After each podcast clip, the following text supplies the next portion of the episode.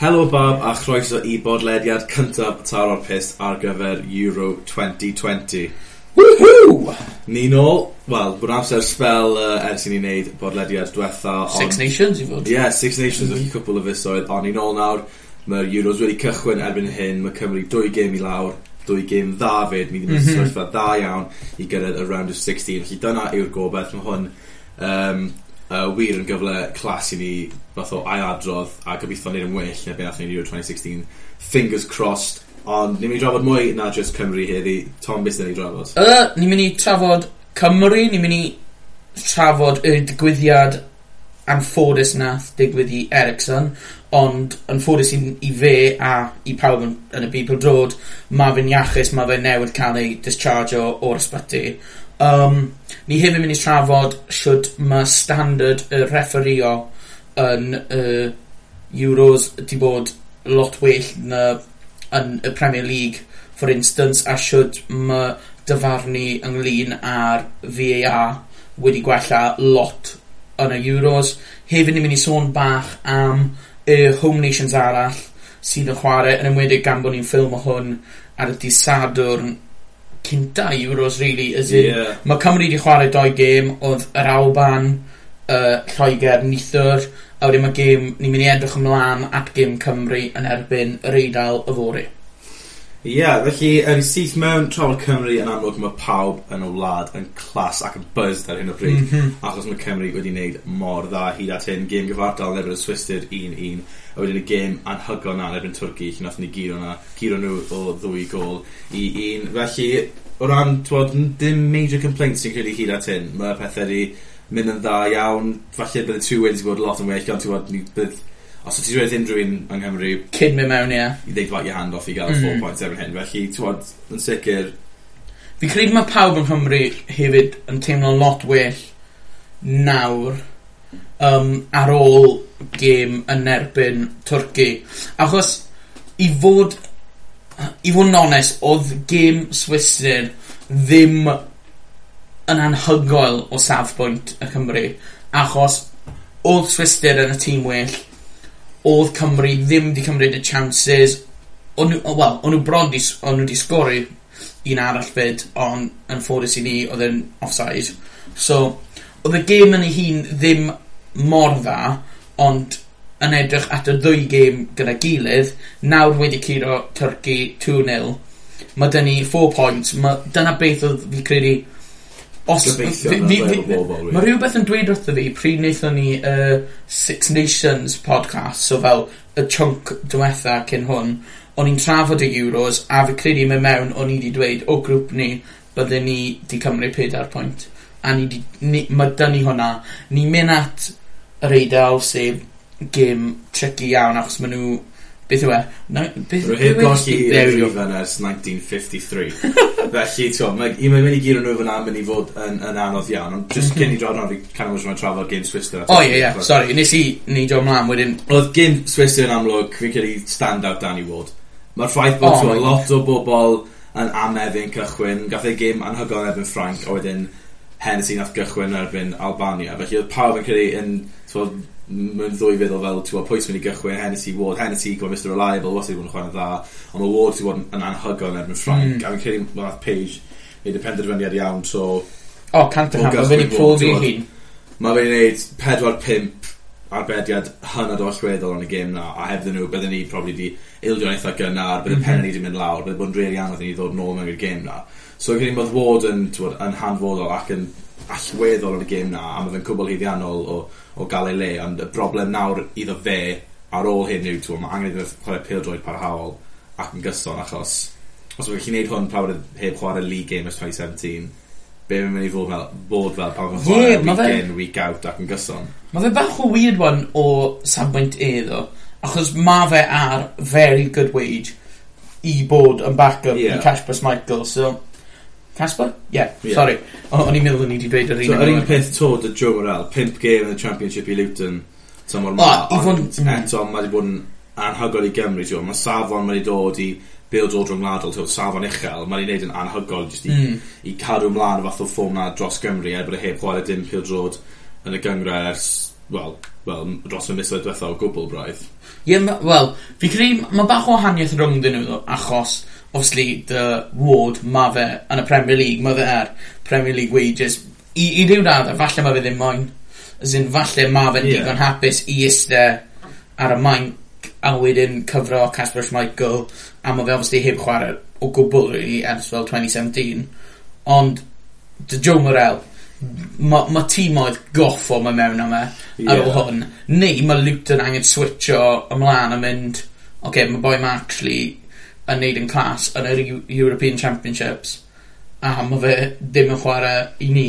So ma' ma' fe goffo cael game time o canlyniad i hwn a ma' fi wedi bod yn stand-out ma' Ward wedi bod yn anhygol ma' defence Cymru wedi edrych yn weddol solid obviously oedd o'dd um, yym bolo. Embolo a jyst oedd e bach o fi'n cofio dweud yn y um, pub i chi pryd wnaethon ni gwylio fe, oedd e bach fel os oedd striker Swister 'di bod on fire diwrnod 'na gallu nhw wedi sgori lot mwy. O ie. Ond hefyd oedd Mepham a Rhoden a mae Rhoden 'di bod yn like o- os os o'n i'n Spurs manager nawr bydden ni yn dyfaru pam mae fe heb chwarae tymor 'ma i gyd achos mae fe wedi edrych fel absolute warrior in defence Mae fe ma' fe'n ifanc ond mae fe'n leader a... Ie.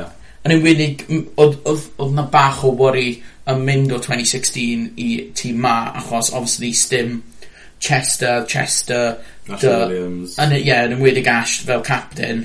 So, oedd, mae ma bach fel, mae Ben Davies nawr y fwyaf experienced yn y backline na. Yeah. I cymharu dy 2016, lle oedd Ben Davies bron y fwyaf ifanc one of the most inexperienced yn y tîm. So, so ma' fe, odd, odd ma' bach o inexperience yn y cefen, ond mae Joe Roden 'di camu lan wir, a mae Ben Davies 'di camu lan fel na ni'r leaders yn y tîm 'ma, a mae fe 'di gweithio. Ie. Yeah. So fi'n gweld o ran ffordd o arwen y tîm 'fyd, mae Bale yn mm. anhygol ar y cae, hytrach na oddi ar y cae, achos ti'n gweld ar ôl pob un gêm y hydl 'na mae fath o kind of agasatrwydd yn y sgwad Mae hwnna mor allweddol achos os os dim dydy hwnna o ddi ar y cae mae ma' ma' ma' hwnna'n cael effaith ar y cae wedyn achos mae pawb yn troso'i gilydd. mm. mae pawb yn chwarae dros ei gilydd nid jyst ei hun a'i wlad ma' n'w chwarae yn lles ei gilydd 'fyd. Ie. mae hwnna'n neud masif gwahaniaeth yn credu. A t'mo' ma'r ffaith bod y faga- y fath o agasatrwydd 'na gyda Cymru yn t'mod mae'n ha- hanner allweddol mae Bale yn ganolog i hynny t'mod ma' hmm. cymryd dros y fath o hwnna gan Ashley Williams yn twenny sixteen yn, yn mynd i fod yn anodd iawn, ond mae Bale wastad wedi bod yn ffigwr eto yn y garfan sydd kind of arwain er hyd yn oed pan oedd e ddim yn gapten. Felly, mae'r ffaith bod e'n bod, bod barhau i wneud na fath o beth ac mae'n neud e mor dda, dyna sy'n mor allweddol fi'n credu i um, llwyddiant Cymru hyd at hyn fyd. Dim jyst y perfformiadau ar y cae, a mae fath o agos atrwydd oedd i ar y cae yn hynod o allweddol, a sa'n credu bod hwnna'n gallu cael ei danseilio fath o, o, o bwysigrwydd. Ond ti'n eto, oedd oedd mae jyst yn, yn dangos fath, mae pawb yn cael ei Cymru achos hwnna, the, the kind of together, mm. nes o bethau fel hwnna. Mae hwnna'n honno'n allweddol, a wedyn, ti fel y joke na ar diwedd y gêm, efo'n Twrci, pan cael pawb yn hydl, oh, I'm sorry, a mae'n cael ei pawb yn cael ei joke, mae hwnna'n jyst yn dangos, you've got that together, so mae hwnna'n allweddol, a fi'n credu gall Cymru mynd yn bell, os mae'n parhau o hwnna. Fi hefyd yn credu ar foment, mae dyn ni just balance lovely rhwng um, youth a fel, ti'n bod fel, the blistering pace o fel Dan James, y, y chwaraewyr ifanc ma sy'n rili really moyn, yn enwedig rhywun fel James, sy, ma, ma, nath e sain o United, be nawr, doi season yn ôl? Mm. A, oedd pawb, oedd e wedi e saino fel youngster, oedd e ddim na i chwarae first team football, ond achos injuries a beth bynnag, dechreuodd e chwarae, a mae fe wedi cael amser galed, a nawr mae fe wedi dod i'r Euros ma, achos mae fe wedi trwy gydol amser 'ma i Gymru, mae fe wastod i chwarae 'na pan mae fe'n gwisgo Chris, cos Chris coch Cymru, a mae fe moyn profi hwnna i Oligon y Sosial beth bynnag, a hefyd mae 'dy fel the experienced heads of Rambo a Bale, a mae'r ddou nhw wel, o'n nhw, o'n nw, wel, oedd wedi cael ei dangos yn y gym Twrci. Ie. Ma' ma' nhw wedi chwarae da gilydd am blynyddoedd maith nawr. Ma' nhw yw fel the two poster boys o Welsh Rugby Welsh Rugby? Welsh Football oh my gosh we come there am goodness knows faint o blynyddoedd nawr a yeah, fi nath hwnna gael ei arddangos fed yn y gêm Twrci achos oh, o'n nhw oedd y ddwy nhw yn, yn gynolog i bob dim nath Cymru mm. yn y gêm na oedd Bale wedi creu 5 chances the most of any player in history yeah. of the Euros nath Ramsey cael 2 3 big chance cymryd y gol yn really dda mm. a ti'n gwybod mae'r gwahaniaeth na rhwng good players and great players yw'r ffaith ar ôl nhw gwneud camgymeriadau neu, tywod, yn, yn y gêm Turkey na, tywod, mynd mewn, pawb meddwl Turkey the Dark Horses y thôn. Yeah. Ni'n meddwl bod y gêm yn i fod yn really anodd. Ond amlwg yn y diwedd, profodd e ddim i fod yn gymaint o drwbl i Gymru. Mm -hmm. Ond ar y pryd, tywod, y, y dau cyfan nath Ramsey gael yn eitha cynnar, ti'n meddwl, os, ni, os ni heb gymryd nhw, like, is this going to come back and bite mm. us, fath o beth. A'r ffaith bod Ramsey wedi godi ei hun lan ar ôl hynny, a cymryd gol yn really, really dda yn anhygoel, oedd Bale just yn gynnol i bob dim. Oedd fe oedd pigo'r pil lan yn canol cae, just pigo fe lan, pen lan, okay, where can I play this ball, where's the space, where's the gaps, who's making the runs, a bethau fel yna. A Ramsey oedd yn neud nhw ran fwy o'r amser, so oedd ddoi nhw, ddoi nhw mor, mor ganolog i lwyddion Cymru uh, y gêm na, a ti'n gweld, oedd ni'n awr o sefyllfa really da, neu fynd y gêm yn erbyn yr reidad, ti'n gweld, mm mae pawb yn hyderus allan ni gael pwynt neu rhywbeth mas o fe. Sa'n disgwyl i ennill i gêm, ond fi'n credu bod mae'n big chance ni gael pwynt yn ni, mm. amddiffyn yn dda hyd at hyn, yn amlwg mae'r eidad di, ond di ildio un shot on target yr Euros hwn. So mae mi'n really anodd i sgorio yn erbyn nhw, ond mae grim a twa, nerth amddiffynol mm. ni yn destyn i faint o dda ni wedi bod trwy gydol y tournament, really. Ie, yeah, wel, o ti wedi dweud na am um, Bale, pigo lan y pel yn canol cae, edrych lan. Oedd un clip fi wedi gwylio nôl o gym Turkey, a ni'n actually mind blown. Ti'n bod siwrd mae oedd Bale a Ramsey wedi sôn yn y press conference ar ôl siwrd ma' nhw wedi gwitho dy gilydd am blynyddoedd a mae'r ddoi nhw yn dweud ma' nhw'n chwarae well pryd ma' yr un arall yn y tîm. Hmm. Obviously mae hwnna'n fwy o pêl uh, fwy o problem i Bale chwarae dy Ramsey achos anafiadau a stuff ond mae un clip o'r gol lle ti'n gweld unwaith mae Bale 'di torri ti fewn a 'di dechrau edrych lan, Mae Ramsey ddim hyd yn oed yn edrych ar Bale, Mae fe jyst i mynd. Mae fe'n gwybod lle mae fe moyn y Bale. Mae Bale yn gwybod lle mae fe moyn chwarae fe, a mae un clip mae fe o Mae fe'n kind of edrych at Bale yn chwarae fe, a ti'n gweld Kiefer Moore yn galw am y pêl, a wedyn ma' ti jyst yn gweld gwyneb fe yn kind of confused yn troi rownd a dweud pam mae Bale 'di bwrw hwn dros pen fi, a ti just gweld y troi rownd, a wedyn gwyneb fe wrth i fe gweld Rambo yn torri trwyddo. Touch. Quality chest touch the chest hefyd. A wedyn, dd- ddim, ddim look, ond on fi, fi dal yn credu, y ffaith oedd e di kind of sguffo'r shot. Di falle di helpu i yeah. bach, ond mae fe dal yn gol anhygoel. Like, oedd gêm na mor hwyl i gwylio. Fi erioed wedi bod mor stressed ddo ar ôl hwnna. a wedyn oedd pawb yn meddwl o ni wedi cael y penalty a ie ma' fe wedi cymryd thirteen minutes ond ni 'na ni'n mynd i goffod sôn am y missed penalty o Bale. O'n i o'n i ddim yn confident. Oedd e ddim yn uwch yn dedus yn ei hun yn, yn cymryd y pen. A so nath e just blasto fe drosodd ond... So nath e, nath e byd gyda hun lan a wedyn nath e gael yr assist wedyn am, mm. am gol Conor Roberts o'r diwedd. So, Fi, fi hefyd yn credu oedd y whole... Fi ddim yn dweud mae fe un ar 10 neu 12 gêm nawr i Cymru. Mae Bale heb sgorio mewn. hmm. Mae fe rhywbeth fel na, so fi credu oedd hwnna probably yn cael ei dal drosto fe. Bach yeah. fel...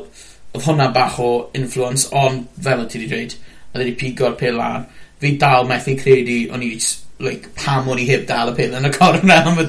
Fi, fi, fi mor falch nawr, achos oce, okay, mae'r ma ddoi ni yn cefnogi Abertawe, ni'n caru Conor Roberts, mae boi na, like, mae fe gallu gwneud popeth yn ynghywir, a ni dal yn ei lyco fe, ond fi mor falch nath e sgorio, just yeah. achos, a'n enwedig yn ddiweddar, dy game, dy game Swister, a game, gwlad Belg o dde? Yeah. Lle nath e slipo, a wedyn, obviously, oedd Gwlad Belg di sgori, a wedyn, yn erbyn y Swister.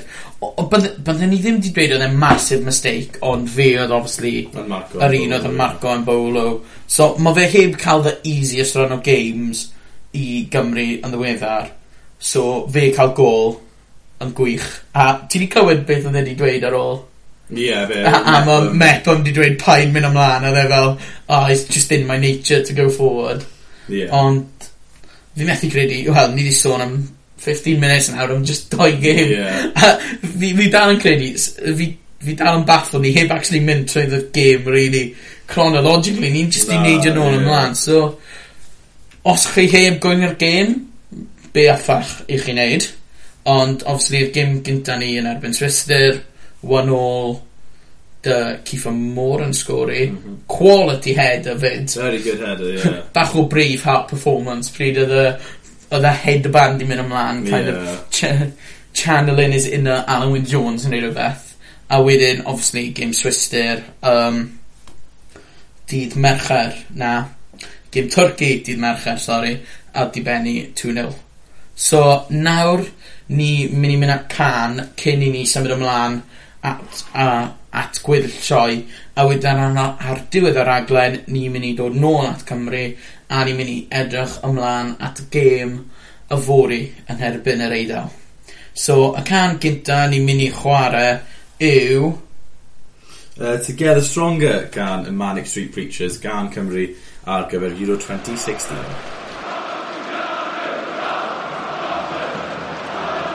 Chris Coleman's men have freed Welsh football from the shackles of their history.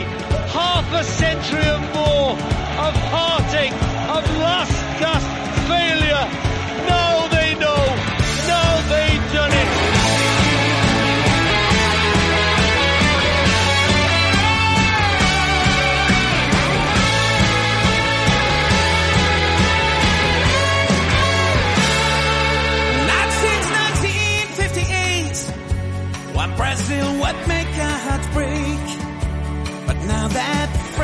Has arrived, it feels so good to be alive.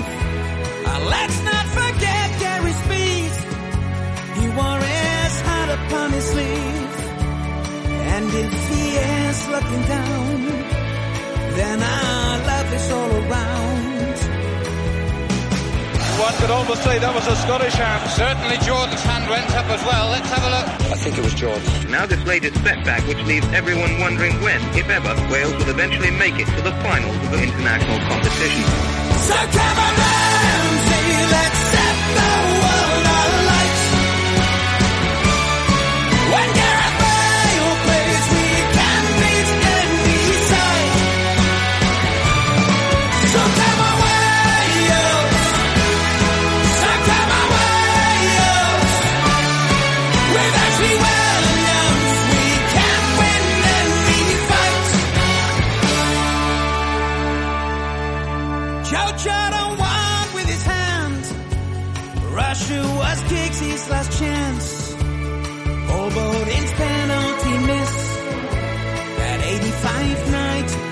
tragic.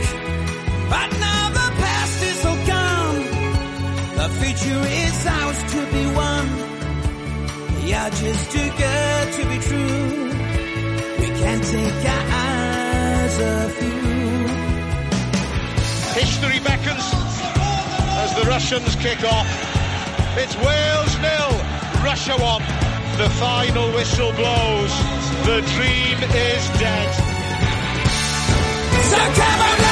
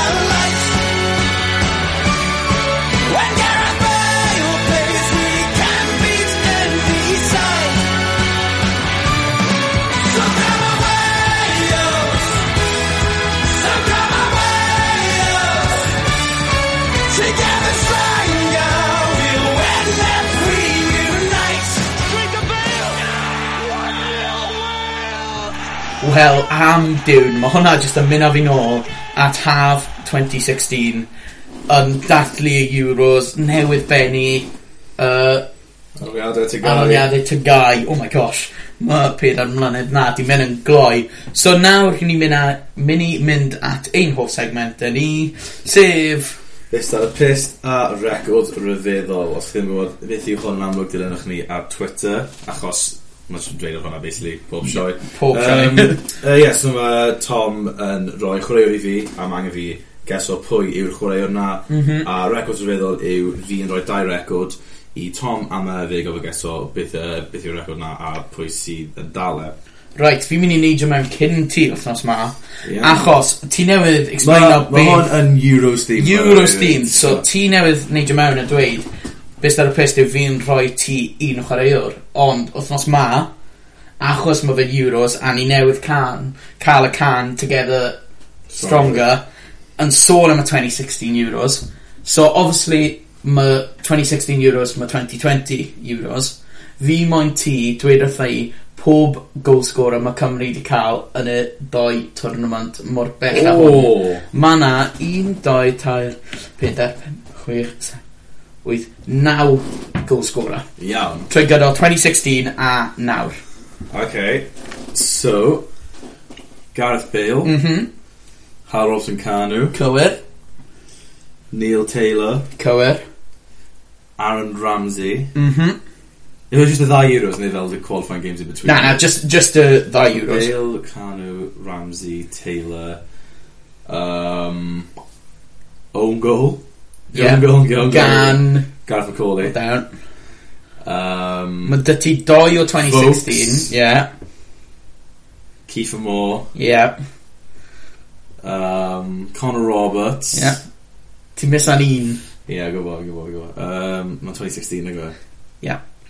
Fi gallu rhoi'r game i ti os ti'n moyn. Na, na. Ond os ti'n rhoi'r game, ti'n mynd i cic gan dy hun. Slovakia oedd... This is a... Tlacian Taylor Ross yn can. Fi, fi actually methu credu ti'n gofio gol ma. Mae hwn yn probably one of the biggest goals o tournament na. Fel pwysigrwydd yn y game. Ie, yeah, Lloegr oedd um, Bale. Mm -hmm. Russia oedd Ramsey, Bale, Taylor. Yeah. Wedyn oedd Northern Ireland, Macaulay yeah. on goal. Belgium oedd Vokes. Ross and Carnu. A... Oh my gosh. Oh, Ashley Williams! There we go! O'n i'n mynd, ti'n goffo cael o! Ashley Williams! Cornell! Yeah. The goal that turned it all around! Um, yeah, well, da iawn, ti'n cael bod beth. O, o, yeah. O'n i'n meddwl ti a wneud fel rhyw fath o change it up today Twist, achos, yeah. obviously, Euros. So, da iawn. Uh, un ddim yn normal, ac yn meddwl. So, fi moyn gwybod most wins in European Championship history. Ooh. tîm a nifer o wins wedi cael.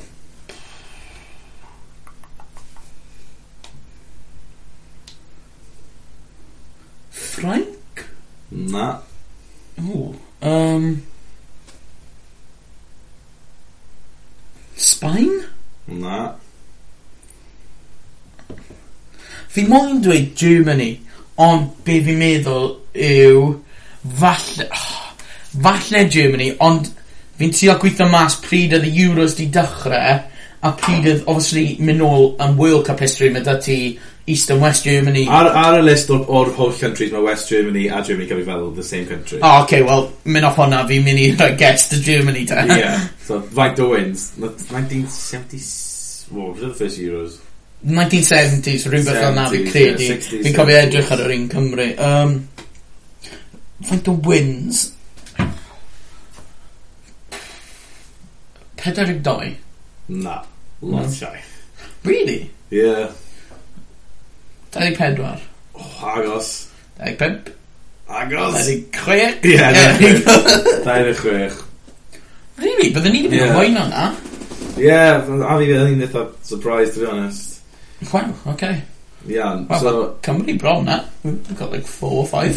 uh, ar y record, yw highest average of goals scored per match. As the Euros. As in now, in general. Yeah. Um, As in, to the more games you play, a kind of llei am yn mynd i fod ti'n- am y beth, achos the more games you play, the more games you would play without. Yeah, so t- as in, to mind the average goals scored per match from start till now. Yeah. Oh gosh. No, I was saying like a, a team who has the, be- the highest average. Oh, sorry, sorry. O'n i'n meddwl y tîm moyn yr actual rhif yn i The team oh, with the highest average of goals scored per match. Uh, Spain? Nah. Frank? Nah. Oh gosh, um... Fi'n trio meddwl am tîm oedd sydd wedi... yw yw e'n tîm galed? I- as in... As in dywun, ma'n tîm sydd... Os 'da ti clues yw yw hwnna'n mynd i helpu fi? Neu yw e just blatant guesses? Um, no, trio trio ddod o clues sydd eitha... As in, ym mhen i fi'n meddwl... Yn os... hanes Euros, ond di qualifio'r dwywaith. Ie, yeah, na beth fi newydd clicio, ni fel, falle mae... Surely mae fydden ni, yw e? Cymru. Really? 1.63 goals. 13 goals in 8 matches. Fair enough. Ah, actually, fi'n meddwl nôl nawr, ni wedi 2-0. 2-3-0 wins. 3-0, yeah, fair. Um, yeah. Nag oes Cymru dy uh, highest win, win percentage fyd, neu rhywbeth, ie. Fi'n cofio clywed o'na, ni fel, really? A wedyn, yeah. obviously, o'n i wedi gweithio mas dim ond dwy weth. So, right, well i ni symud ymlaen at gweddill sioe, so nesa ni mynd i sôn am Home Nations. So, yeah. gynta, um, ti'n mwyn sôn am siwr mae fe ddim yn dod adre? O, oh, fi'n mwy na hapus i siarad o'r ffaith yeah. Mae, yn amlwg, Lloegr yn mynd mewn i, mewn i bob twrnament rhyngwladol yn meddwl bod nhw'n mynd i ennill i. Um, A ti'n gwybod, weithiau, dy'r carfan sydd dyn nhw, mae dyn nhw top class players yn chwarae top class teams, ti'n fynnu beio nhw mewn ffordd, ond dwi e just ddim, achos nithwr nath nhw cael game gyfartal yn erbyn yr Alban, third lowest ranked team in the tournament, mm. ti'n gwybod, lot o chwaraewyr, dim lot o chwaraewyr, lot o gefnogwyr, lot o pundits yn meddwl bydd Lloegr yn curo'r Alban mor hawdd, three or four goals, Yn amlwg, nid hwnna ddod achos yn y diwedd, nil-nil, perfformiad eitha llac, eitha flir gan Loegr. Ond yn bod credu, nhw wrth nhw'n chwarae'n eitha da yn erbyn Croatia. Ciro nhw 1-0, Cadw Phillips cael gêm da iawn. Um, Sterling yn sgorio fyd. So, tywod, ar ôl y gêm na, ffrif beio, really, uh, cefnogol Lloegr yn fod am, tywod, eitha'n excited am gêm neu'r Alban, tywod, the ancient fath o rivalry sydd mm. wrthyn nhw ond oedd y perfformiad yn really, really flair, to be honest, oedd, oedd, oedd ddim lot i ddigwydd. O'n i, honestly, o'n i'n gwybod fe'n meddwl, ti'n tywod, mae'r game ma gallu bod yn really embarrassing i'r Alban, lle could be 3 or 4 nil, ti'n Mm. Ond, tywod, oedd, oedd just dim. A mae dyn nhw game all yn erbyn Czech Republic sydd wedi curo Lloegr yn Wembley mm. 2-1 yn 2018 World Cup qualifying, fi'n credu. Oh, so, tywod, dwi'n eto ddim yn wedi fod yn game hawdd iddyn nhw. So fi credu mae angen nhw bod, sylwi bod pob game yn mynd mewn ni ddim mynd i fod yn walk in the park a ddim yn guaranteed win. A mae'r gêm ar efo Czech Republic nath nhw roi gêm hanner ar i, i Gymru nath ni chwarae'n rhaid i ddau gyr nhw mm. yn World Cup qualifying ni. Felly ti'n gwybod mae'n i fod yn anodd iawn i, i Loegr cael unrhyw fath o ganlyniad Mae Patrick Schick yn edrych yn anghygoel ar foment fyd. Yeah. gol na yn erbyn yr Alban. Ai Whew. Grace ti'n gwybod Grace yn erbyn yr Alban. Um, Ie, yeah, i'r Alban, ti'n bod, canlyniad da iawn iddyn nhw'n neithio, ti'n bod, bydden nhw'n hapus iawn cael uh, gêm gyfartal yn erbyn um, yn erbyn Lloegr, ti'n bod, bydden bach yn gytib yn hyn. O'n i'n mynd i dweud bydden nhw wedi bod bach yn...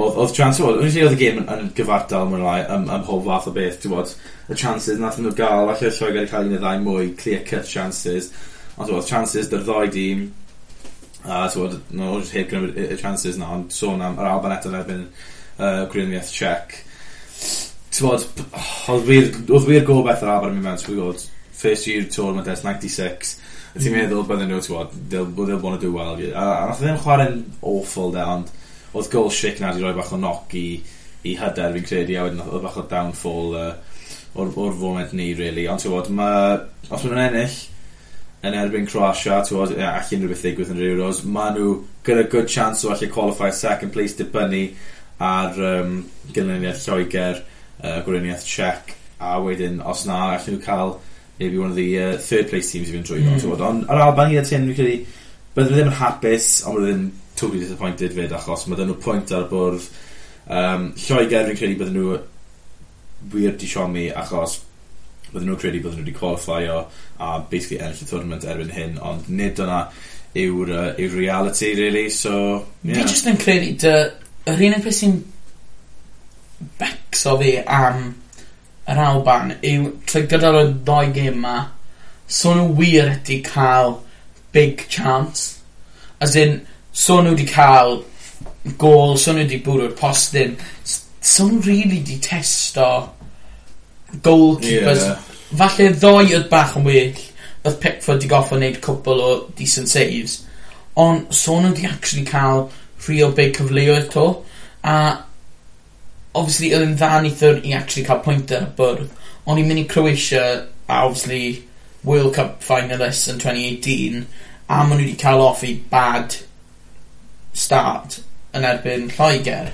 So maen nhw moyn obviously troi rhwng tournament nhw. Yeah. So mae bach o bach o maen nhw goffod tynnu socks nhw mas a just mynd am e. Maen nhw goffod just dechrau game attack, attack, attack. Ie, yeah, mae'n rhaid o'n mosod o'r cychwyn, really, a kind of gobeithio allan nhw fath o start startlo Croatia a, a creu mm. rhywbeth mawr. Dyna yw, yw, yw gobeith nhw. Ond ie, yeah, ti'n um, dyna'r beithio. Fi fi wir yn gobeithio bod yr Alban yn qualify achos a, fi fi lyco mm. nhw. Lloegr allan nhw gobeithio peido achos fi, fi, na, just, just, dim, dim achos just dwi'n Gymro. A fi'n credu, mae angen nhw fath o big reality check. Y, y beth yw hefyd, y tîm oedd maen nhw'n pigo mae fe bach fel o'n i'n sôn yn gynharach jyst rhyngddyn ni. Y holl peth yma dy chwarae doi defensive midfielders yn Rice a um, uh, Calvin Phillips. A bron trio recreato y holl Pogba, Kante, kind of double pivot peth na. A mae fe just ddim yn gweithio achos so Calvin Phillips yn neud Rice mor dda a Pogba neu Kante a hefyd mae fe bach fel mae cael doi o nw yn erbyn tîm fel yr Alban fel wedest ti third lowest ranked team. Dyle Lloegr 'di mynd 'na moyn curo nhw 3, 4, 5 nil. A mae bach fel such negative team mas dyn nhw yeah. A fel mae dyn nhw players fel Sancho beth yw'n e, 16 goals 8 assists ar y bench. Mae dyn nhw Grealish who's most chances created neu beth bynnag mae dyn nhw Marcus Rashford mae dyn nhw players ar y bench sydd falle fod dechrau mae hefyd dyn nhw y holl peth o pawb yn hype am lan Phil Foden fel the best midfielder er Paul Gascoigne neu beth bynnag. A wedyn mae fe'n symud ei mas i'r wing lle mae fe ddim yn gweithio mor dda.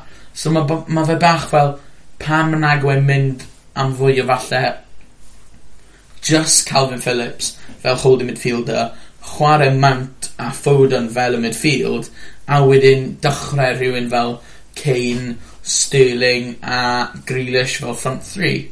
I fi mae hwnna much mwy yeah, attacking. Mae fe, ma fe mynd i enll nhw gemau, e, lle mae be maen nhw'n neud ar y foment, mae fe just mor defensive, mor slow, a yn y gêm yn erbyn Croesia, oce, okay, o'n nhw angen falle fwy o defence, Ond oedd ddim dyn nhw loads o big chances a oedd y rhai fwyaf 'di dod trwy Mount a Foden a wedyn ma' ma' nhw ddim really yn chwarae lle ma' nhw'n best suited.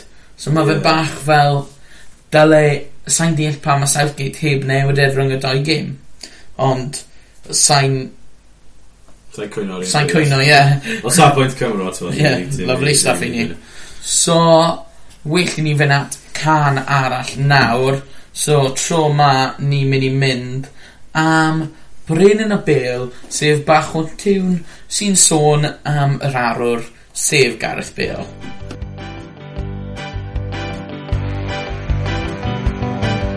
Mae bel ar y bel ac yn ôl at y gôl mae'n mynd. Mae bel ar y bel fel sbarc ar y marc fy ffrind. rocio a dorfawr yn rocio i'r gŵr o Gaerdydd. Brenin y Bel, Gareth Bel. O brifddinas ein gwlad i'r ddinas yn y de. Symludodd yr arwr er mwyn chwarae yn yr ddinas fawr ddrwg ciciodd ar foi Oedd yn cicio fel ceffil a redeg mor gloi O'r cefn yr ail i reol i'r asgell chwif Fel bel ar y bel ac yn ôl at y gol mae'n mynd. Fel bel ar y bel fel sbarc ar y marc dy ffrind.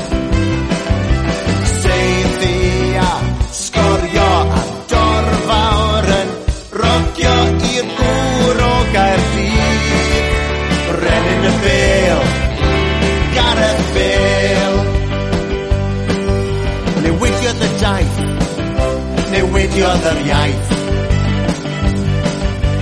Aberth yn aml yw Chris bywoliaeth Wrth ymuno a Ronaldo Weithie'n brifo, weithie'n ergydio a'i goliau. Real pwysig i hala Madrid I ben gan bwriaeth arall ond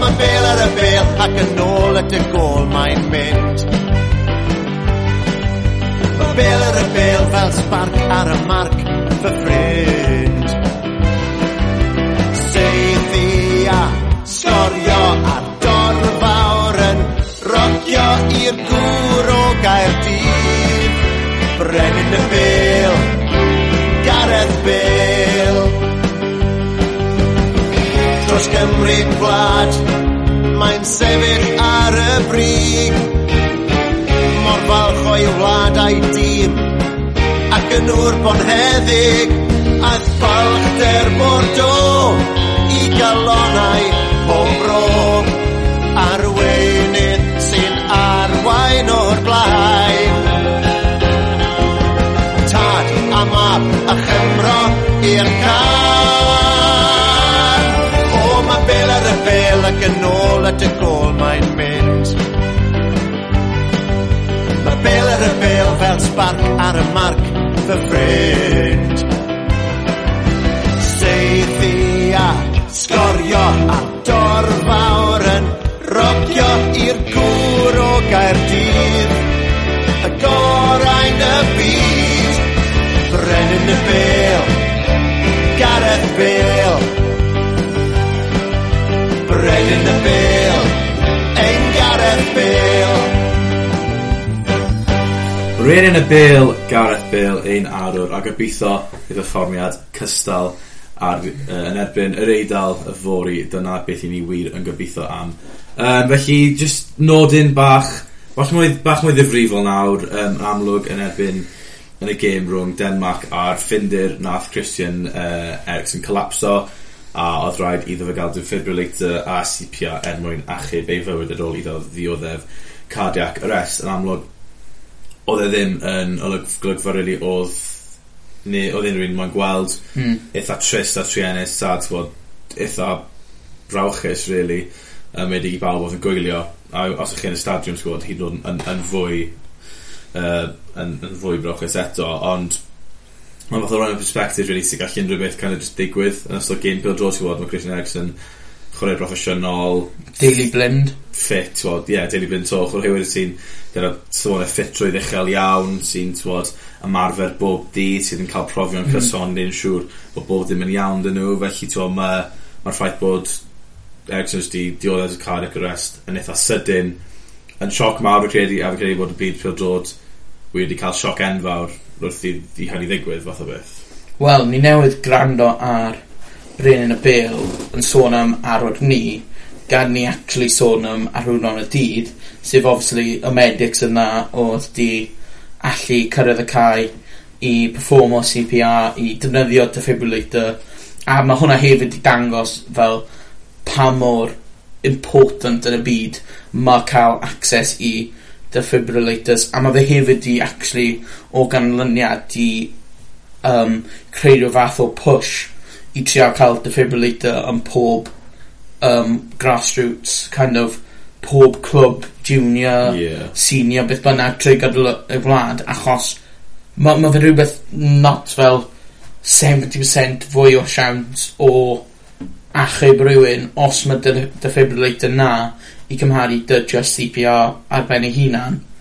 A mae hefyd rhaid rhoi sôn at um, Simon Kia teammate a fe oedd yr un oedd wedi rhoi Ericsson yn y recovery position yn gynta. Neud yn siŵr oedd e heb um, tagu ar uh, tyngu hun. Um, di potentially dechrau CPR snib, mae pobl di dweud mae fe wedi ond snib really yn gwybod achos obviously. Um, oedd neb moyn gwylio fe i lefel naw detail a di edrych yn ôl. A fe hefyd oedd yr un oedd di dechrau y human huddle o ryw fath rhwng Ericsson wrth i fi wrth i fe derbyn y treatment ma. A hefyd di mynd draw a consolo wraig Ericsson dy Casper Schmeichel wrth i hi goffo gwylio o'r deal ma a fel ni di dweud siwr ma fe di ffeithio ni yn y byd pwyl drod ond ni methu dychmygu beth oedd hi yn mynd trwyddo, yn goffo gwylio hwn. oedd hi na 'na'n cefnogi ei gŵr hi yn gwylio uh, yn yn chwarae am ei wlad, a neud be' mae fe'n mwynhau, a mae fe bron 'di lladd. E.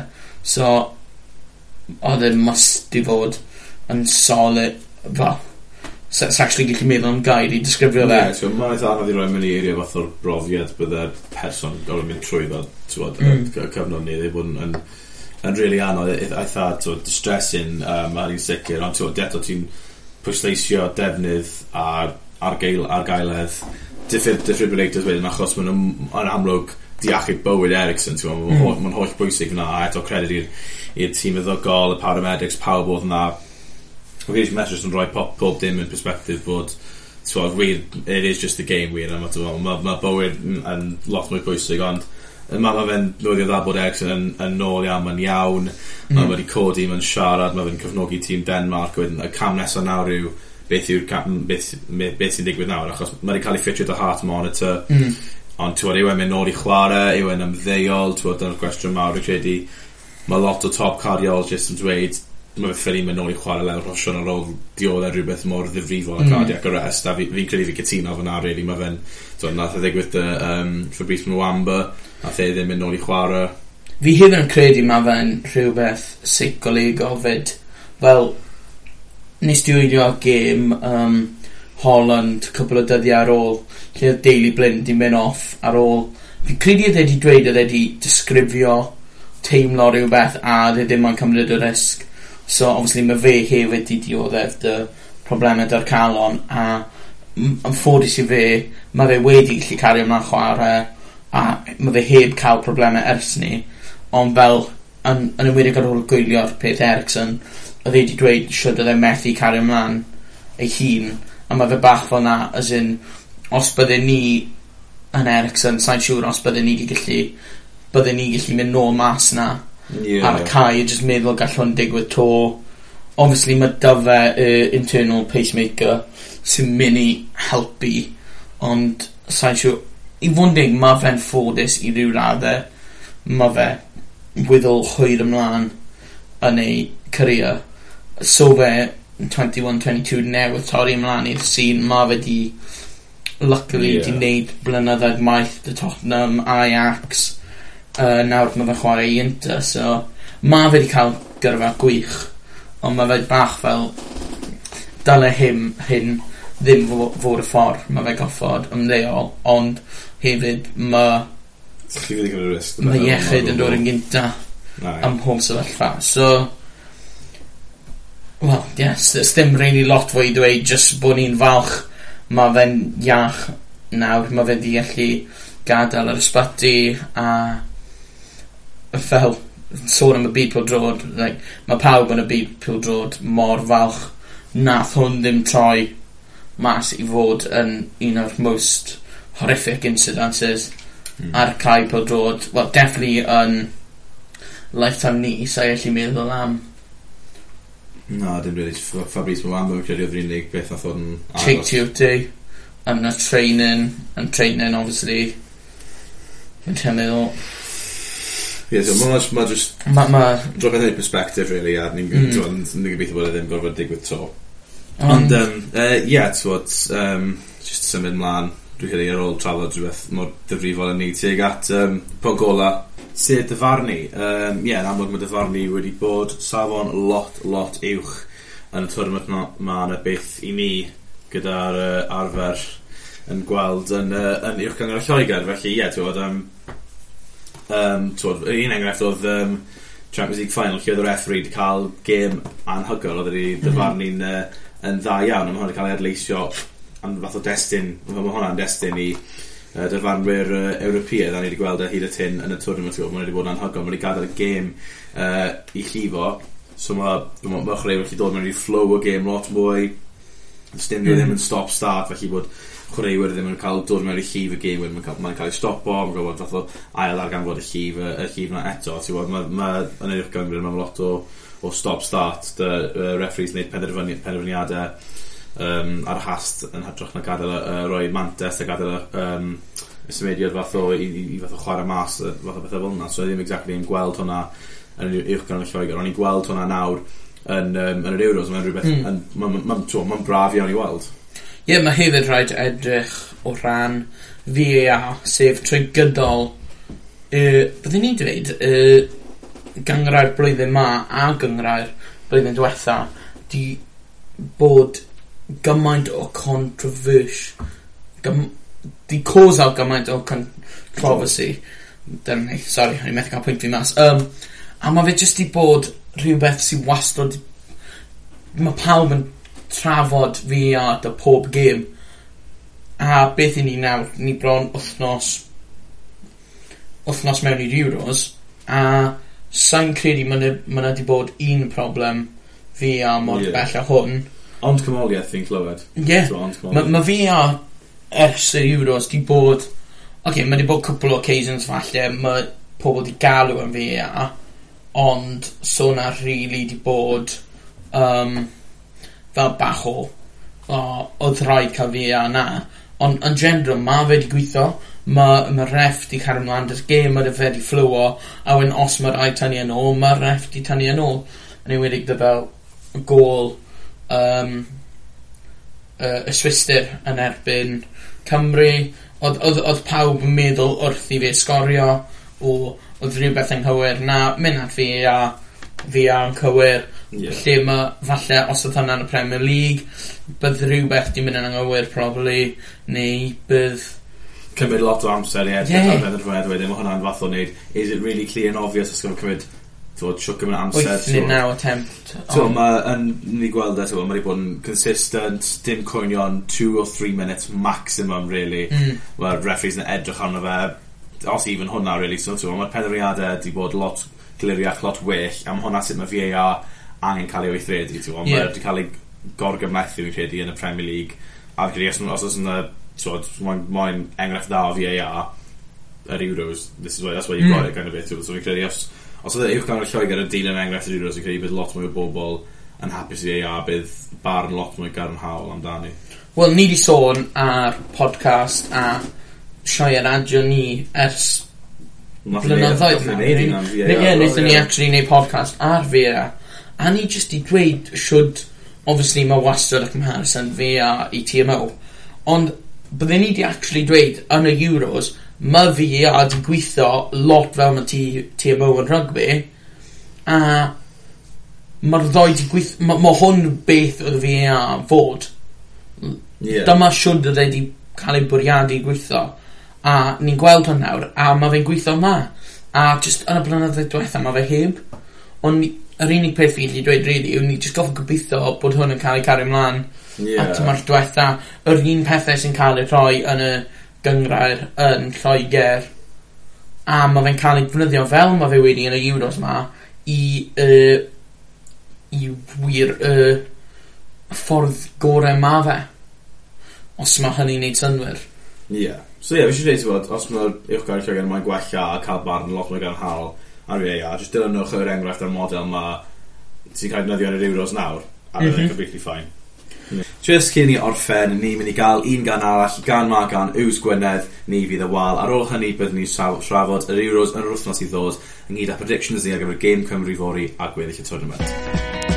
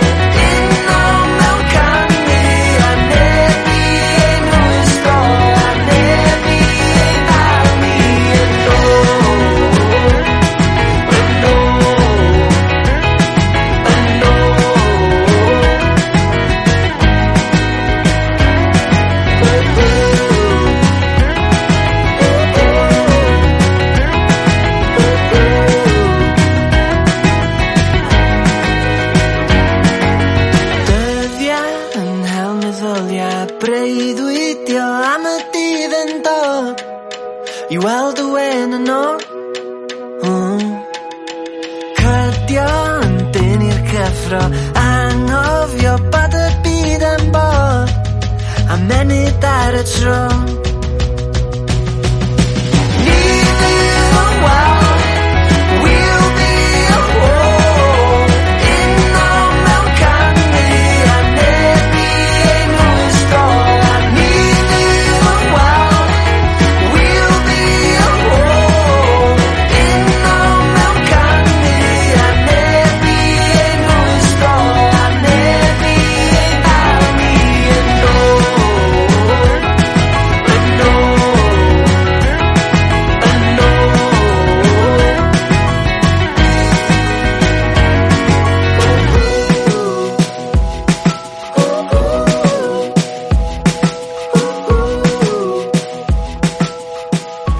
Dyna oedd pan newydd Iws Gwynedd, ni fydd y wal, yn sôn am Euros ma, a nawr ni jyst mynd i wneud ein predictions ni am Gym Cymru sef nos fori yn erbyn yr eidl. Fi moyn dweud, fi moyn mynd na am nil-nil. Dyna beth byddwn ni'n caru do math o gym na. Yeah. Fi'n ofni maen nhw mynd i wneud i ni be maen nhw wedi wneud i pob tîm arall maen nhw wedi chwarae yn, yn ddiweddar, ond fi'n gobeithio, os ni'n mynd na dy'r right mentality, dy'r tîm cywir, ma'r boes yn chwarae dros y Cris, mae yna cyfle i ni actually gallu cael pwynt allan o'r gêm, a wedyn obviously mynd trwyddo i y round o 16, fi moyn dweud? Ie, yeah, um, yeah, fi'n credu, fi'n credu 1-0 yr Eidal bydd e. Mm. Mae Calon fi moyn dweud dro. Ond mae pen fi'n dweud un o'r reidal. Mm. Ni'n am, amddiffyn yn dda, fi'n credu bydd reidal yn amlwg yn exploitio ni a ffindo gaps. So, sa'n credu bydd um, osod ni gallu um, mynd trwyddo uh, amddiffyn reidal. Ond, ie, um, yeah, gobeithio bod Cymru allu mynd ymellach na be oedden nhw yn 2016. Cyfyniad mawr yn gwybod ni, ond Tewa, pwy o'r beth ddigwydd? I reckon... Fi'n credu semi-finals to newn ni. Os i fod yn completely honest, semi-finals to. Sa'n actually siw. Fi, fi, fi hefyd yn credu mae fe wir yn dibynnu ar yr um, ar y geme sydd i dod obviously ma, nath hwnna just obvious. As in y tîm oedd ni'n chwarae yn erbyn. Fi'n fi gobeithio os ni'n gallu rhyw set cael pwynt yn fawr i fi credu bydd hwnna'n set yn un lot well achos bydd dynnu that underdog mentality yeah. old dynnu nôl yn 2016 a bydd hwnna obviously yn helpu. Um, Ti'n credu bydd Paige yn newid y tîm? Na, sa'n credu bydd. Mae'n gweithio gyda Tyn, sa'n credu bydd y rest o'r reis, ond ddim yn gwneud risg o rest o'n rhywun. A bydd e cael tîm cad arno eto, yn credu. Yr unig peth byddwn ni'n dweud yw, sa'n credu byddai'n rest o'n rhywun, bydden ni ddim yn overly shocked os mae fe newid i five at the back. Gan bod mae fe hefyd i dweud out and out dyna yw ei favoured formation e. Ie. Ond mae fe 'di newid i y forward to back achos mae fe yn kind of defnyddio y chwaraewyr orau yn ei positions orau So, sa'n siŵr. Bydden ni ddim yn shocked ond fi credu os ni yn mynd five at the back ma' goffo bo ffordd o cael Keefer yn y tîm. Ie. sa'n credu bydd e'n gweithio os ni'n mynd five at the back a wedyn trio chwarae y false nine achos fi'n credu ni angen cuthio fory am that Ie. out ball rhywun achos ni ni mynd i bod o dan y cosh mae hwnna'n obvious so ma' angen cuthio 'na just i chi hwffo'r pêl lan i fe fi'n gobeithio gallu dal e lan neu o leia sloio lawr. Ie. Defence yr Eidal i dod ato ni unwaith 'to ond ie fi'n credu fi yr un peth y ti ma' ma' mhen i'n dweud one nil yr Eidal ond yng nghalon i'n dweud fi'n rili gobeithio bydd e'n nil nil neu one all ond fi fi'n gweld nil nil lot yn fwy haws na one one. Ond ie dyna ni. Bydden ni nôl penwthnos nesa. Yep. yn gobeithio trafod shwd oedd Cymru wedi llwyddo i cael dro yn erbyn yr Eidal a hefyd yn trafod um, pwy mae Cymru dy yn y round of 16 gobeithio os ni'n cyrraedd 'na. Hefyd falle by' ni'n sôn am pwy mae Lloeger yn chwarae a'r Alban os maen nhw hefyd yn cyrraedd 'na a gan bod ni'n mynd at rownd lle mae lot llai o gemau bydd fwy o siawns dyn ni cyfro pob gêm sydd yn cael ei chwarae Ond dyma ni am yr wythnos 'ma. Ie. Diolch yn fawr am rando Os chi ddim yn dilyn ni ar socials a Twitter at taro'r pist. Dyna'r plug. Facebook taro'r pist. Diolch yn fawr am rando a welwn i chi wythnos nesaf Ta-da